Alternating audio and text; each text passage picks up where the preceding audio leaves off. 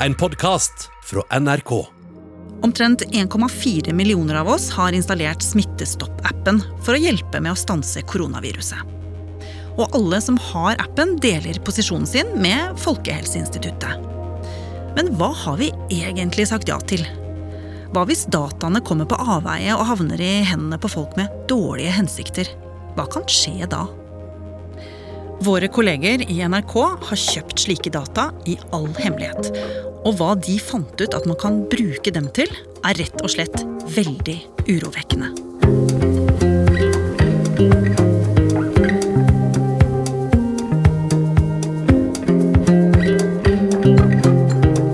Du hører på Oppdatert. Jeg heter Ragna Nordenborg. I dag lanserer vi altså en digital løsning som vil være et steg på veien mot større frihet. Det er en ny app som vil gjøre smittesporingen mer effektiv. Det er Folkehelseinstituttet og Similar Research som har utviklet appen som altså heter Smittestopp. Jeg husker jo at vi syntes det var veldig spesielt å høre Erna si dette på TV, at hun rett og slett anbefalte alle i Norge å installere en sånn app. Ja, for det skulle være frivillig, men det skulle være en dugnad alle skulle være med på. Og Det betydde jo at alle skal med, sånn at hvis du ikke installerte appen, så var du en av de kjipe som ville ødelegge, og da ble folk rasende. Ja, det ble skikkelig lynsjestemning, rett og slett. Martin Gundersen og Trude Furuli er journalister i NRK. Og det ble veldig oppheta fordi dette er så viktig. Vi vil jo ut av koronatiden. Vi vil gå på butikken, vi vil gå på bar. Og det da ikke installere den appen som deler disse trivielle hemmelighetene på en måte, ble da en sånn folkefiende. Da er du imot dugnaden. Mm. Men det folk som lasta ned denne appen ikke visste på det tidspunktet, det var jo det vi i NRK hadde jobbet med i flere måneder. Vi hadde jo nemlig sett på hvordan folks bevegelser kunne spores av apper på mobilen. Ja, Så det dere sier nå, er at dere har hatt et stort journalistisk prosjekt gående som på mange måter viser hva som i verste fall kan skje dersom dataene fra smitteappen, men også andre apper, kommer på avveie. Mm. Men eh, hva er det dere har gjort? Jo, de fleste av oss har eh, flere titalls apper på mobilen, og noen apper virker uskyldige. F.eks. en sminkeapp som heter Perfect 365.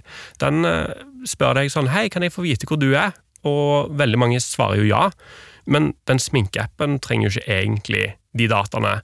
Og det vi har sett, er at den selger det videre til andre selskaper.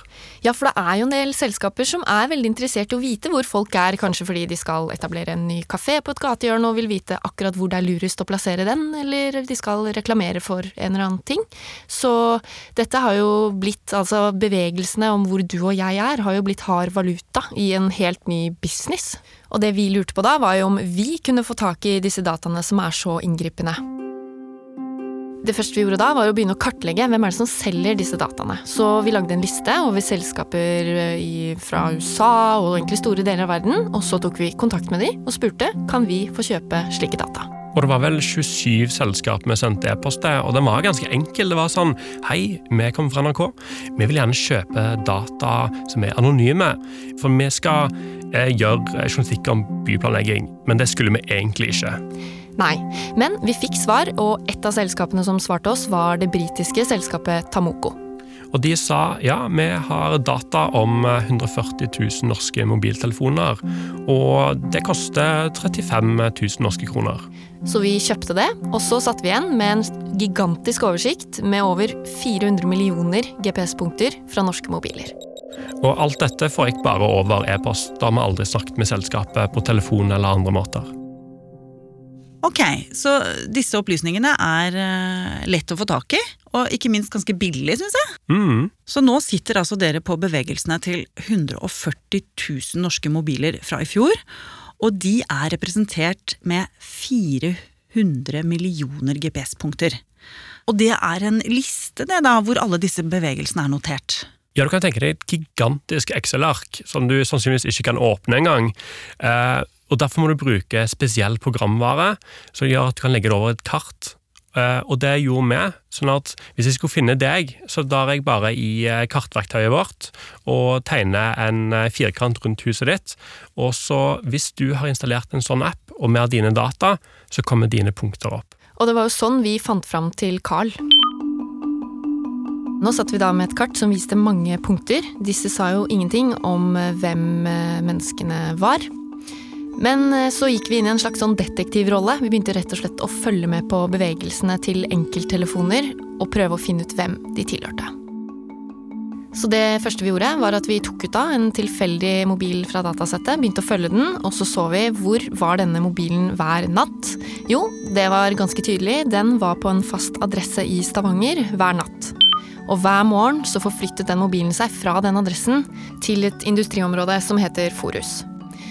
Og hver ettermiddag så kjørte den tilbake til adressen. Men plutselig en dag så så vi at han kjørte et helt annet sted i lunsjen, og så tenkte vi hvorfor gjør han det? Og to uker senere så ser vi i dataene at det er et brudd i hans faste mønster. Han slutter å kjøre dit han pleier hver morgen. Han begynner i stedet å kjøre til dette stedet hvor han var eh, den timen i lunsjen.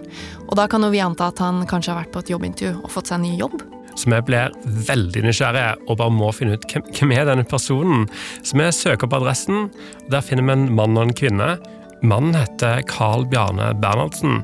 Og når vi finner navnet hans, så finner vi også Facebook, eh, og da ser vi at han har jobbet på en av de adressene på Forus. Og det ser òg at han, den nye adressen han begynner å kjøre til, det er den nye jobben hans. Det er nesten litt creepy, dette her. Men det stopper ikke her. Nei, det gjør ikke det. Fordi vi kan også se at eh, punkter fra hans mobil har vært på Stavanger universitetssykehus, og vi begynner da å lure på hvorfor han har vært på sykehuset i flere dager. Så det vi til slutt gjør da, er at vi bestemmer oss for å ringe han. Eh, og det er jeg som skal ta den telefonen. og um, det jeg egentlig bare prøver å forberede på en måte før den samtalen, er jo at jeg kan ikke, jeg må, jeg kan ikke skremme den fyren her. Altså, det er en kjemperar telefon å få fra en journalist som sier 'hei, jeg vet hvor du har vært eh, i, i, i fjor', jeg. Jeg har sett at du har vært på sjukehus og sånn, så jeg prøver egentlig å ringe han uten å skremme livskiten ut av han. Ja, hva, hva er det du går for? Hva slags plan? Nei, jeg prøver jo på en måte å bare snakke rolig og si hei, hei, presentere meg ordentlig og sier at vi, vi har sett hvor du har vært i, i fjor, vi, mobilen din har sladra. Um, kan vi møtes for å forklare deg mer? Ja, altså Ble han ikke sint? Altså Hvordan reagerte han? Jeg tror han ble, han ble liksom paff, litt overraska, men han sa ja til å møte oss, for han ville gjerne finne ut mer om det her. Han, det, det var, han, han visste jo ikke noe om det, så han ville jo gjerne vite hva vi hadde. Men han var jo utrolig skeptisk, for han sa har ikke dere gjort noe ulovlig? Eh, liksom, hva, hva har dere gjort for noe? Ja, så jeg måtte jo forklare han på en måte da, at vi hadde fått tak i data fra noen apper som hadde avslørt posisjonen hans. Og det visste han jo ingenting om. Men så drar dere og møter han? Ja. Vi drar til Stavanger. Um, skal vi se. Onsdag 5. juni. Her også stopper du innom Skjell. Er det noe du ofte gjør? på vei til jobb? Det, enten så er det pga. å kjøpe snus, eller så er det jo pga. drivstoff. Mm. Men det er jo 5. juni, ja, da var det nok ikke drivstoff igjen. Så da må det ha vært en snus. Jeg vet ikke rekkefølgen på det. Carl tar oss imot i rekkehuset der han bor sammen med samboeren sin. Carl er en uh, ganske normal fyr. Mørkblondt hår, ganske høy. Han er småbarnsfar, uh, jobber med logistikk og har en Android-telefon. Og dere viser ham alt det dere har funnet ut om han. Ja, vi har jo sporet han i over 200 dager, så vi går gjennom noen av de dagene og viser han på kartet, helt konkret, hvor vi har sett at han har vært. Og han blir jo ganske satt ut. Tenk deg, Jeg kan sitte folk eh, i en helt annen eh, del av verden og følge med deg sånn som dette. Og, og, huske nøyaktig hva du gjorde på de forskjellige datoene, eller kan bare bla det opp på telefonen. Finne ut eh, hvor du var til de bestemte tidene. og Så spør du mennesker hvor har du vært, så vet du ikke sjøl. Det er sykt. Vi har jo f.eks. sett at han var på det jobbintervjuet. Vi så jo at han til og med kjørte feil mens han var på vei dit. Men noe av det han syntes var aller mest ubehagelig, var at vi hadde sett at han hadde vært på sykehuset i forbindelse med at han fikk en sønn. ja, Så det var barn han hadde fått? Han hadde fått barn. Men så begynte han å tenke på hva om det hadde vært noe mye mer alvorlig. Eh, det kan jo hende man må på sykehus pga. psykisk sykdom eller andre ting som man ikke vil at noen skal vite noe om. Det er mange måter de kan, eh, kan bruke dette her kynisk på tror jeg. Så da begynte vi å skaffe en oversikt over hvor norske sykehus, krisesentre og eh, psykiatriske institusjoner lå i Norge. Og så begynte vi systematisk å se i kartet om vi kunne se mobiler på disse områdene. Og det klarte vi. NRK har spora 8300 mobiler på slike type institusjoner.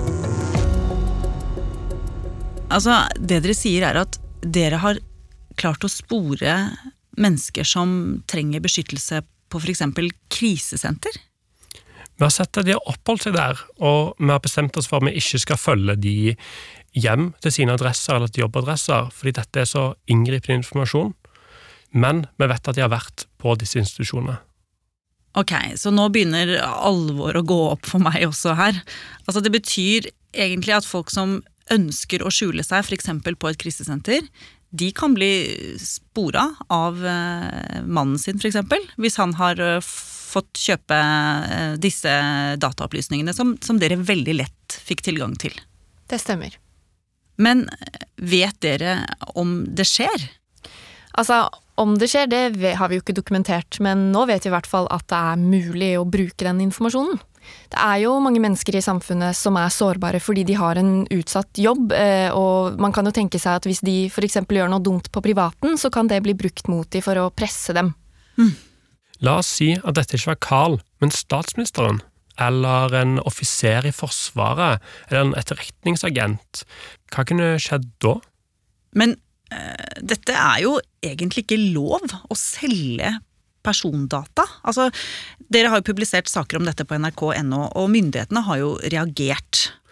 Ja, men det er ikke helt avklart. og det norske datatilsynet har reagert veldig kraftig og sagt at de skal ta denne saken mot det britiske selskapet, og de skal møte datatilsynet i England om det. Men det er ikke helt uh, sikkert om dette er ulovlig. Hvorfor ikke? Det må jo være lov å lage løsninger basert på data om oss, og man kan jo bruke dette til byplanlegging, det kan si noe om eh, eh, hvordan, eh, hvor bra butikker gjør det. Eh, sånn at det er ikke noe galt i seg sjøl å ha disse dataene, men det Datatilsynet reagerer på, at de er så detaljerte. De sier noe om oss over lang tid, og at det blir en slags totalovervåkning. At man kan gå inn i øyeblikk i løpet av livet og se 'Å ja, der var du'. Og nå eh, driver man og prøver å finne ut av dette her da, om det er lov eller ikke, og hvor grensene skal gå eh, for identifisering av data. Men eh, mens vi venter på svar, hva kan jeg og andre som hører på Oppdatert gjøre? Du kan jo sjekke i mobilen hvor mange apper har tilgang til hvor du er til hver tid. Er noen av de appene som du ikke er sikker på, er de litt mistenkelige? Du, eh, det er kanskje et spillapp du ikke helt stoler på. Da vil jeg ikke fortsette å gi den appen tilgang til min posisjon. Men vi begynte jo med å snakke om smitteappen. Det er jo ikke sånn at Folkehelseinstituttet og norske myndigheter selger våre opplysninger videre. Nei, selvfølgelig, de kommer jo ikke til å gjøre det, men vi kjenner jo til fra tidligere at det har vært noen ganske store datainnbrudd hos mange store, seriøse aktører, så det er jo en viss fare, sånn uansett, for at data som det her kan komme på avveie.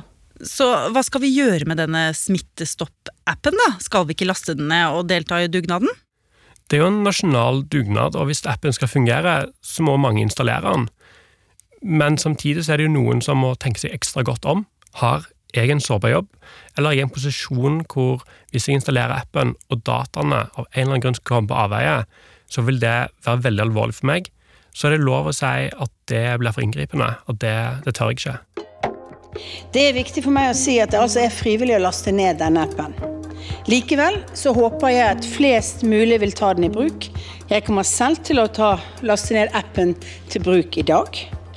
Og hvis dere ikke har funnet appen i appstoren eh, allerede, så vil dere finne appen også på helsenorge.no. Og til slutt må vi si at verken det britiske selskapet Tamoko, som solgte NRK dataene, eller sminkeappen Perfect 365 har svart på NRKs gjentatte henvendelser.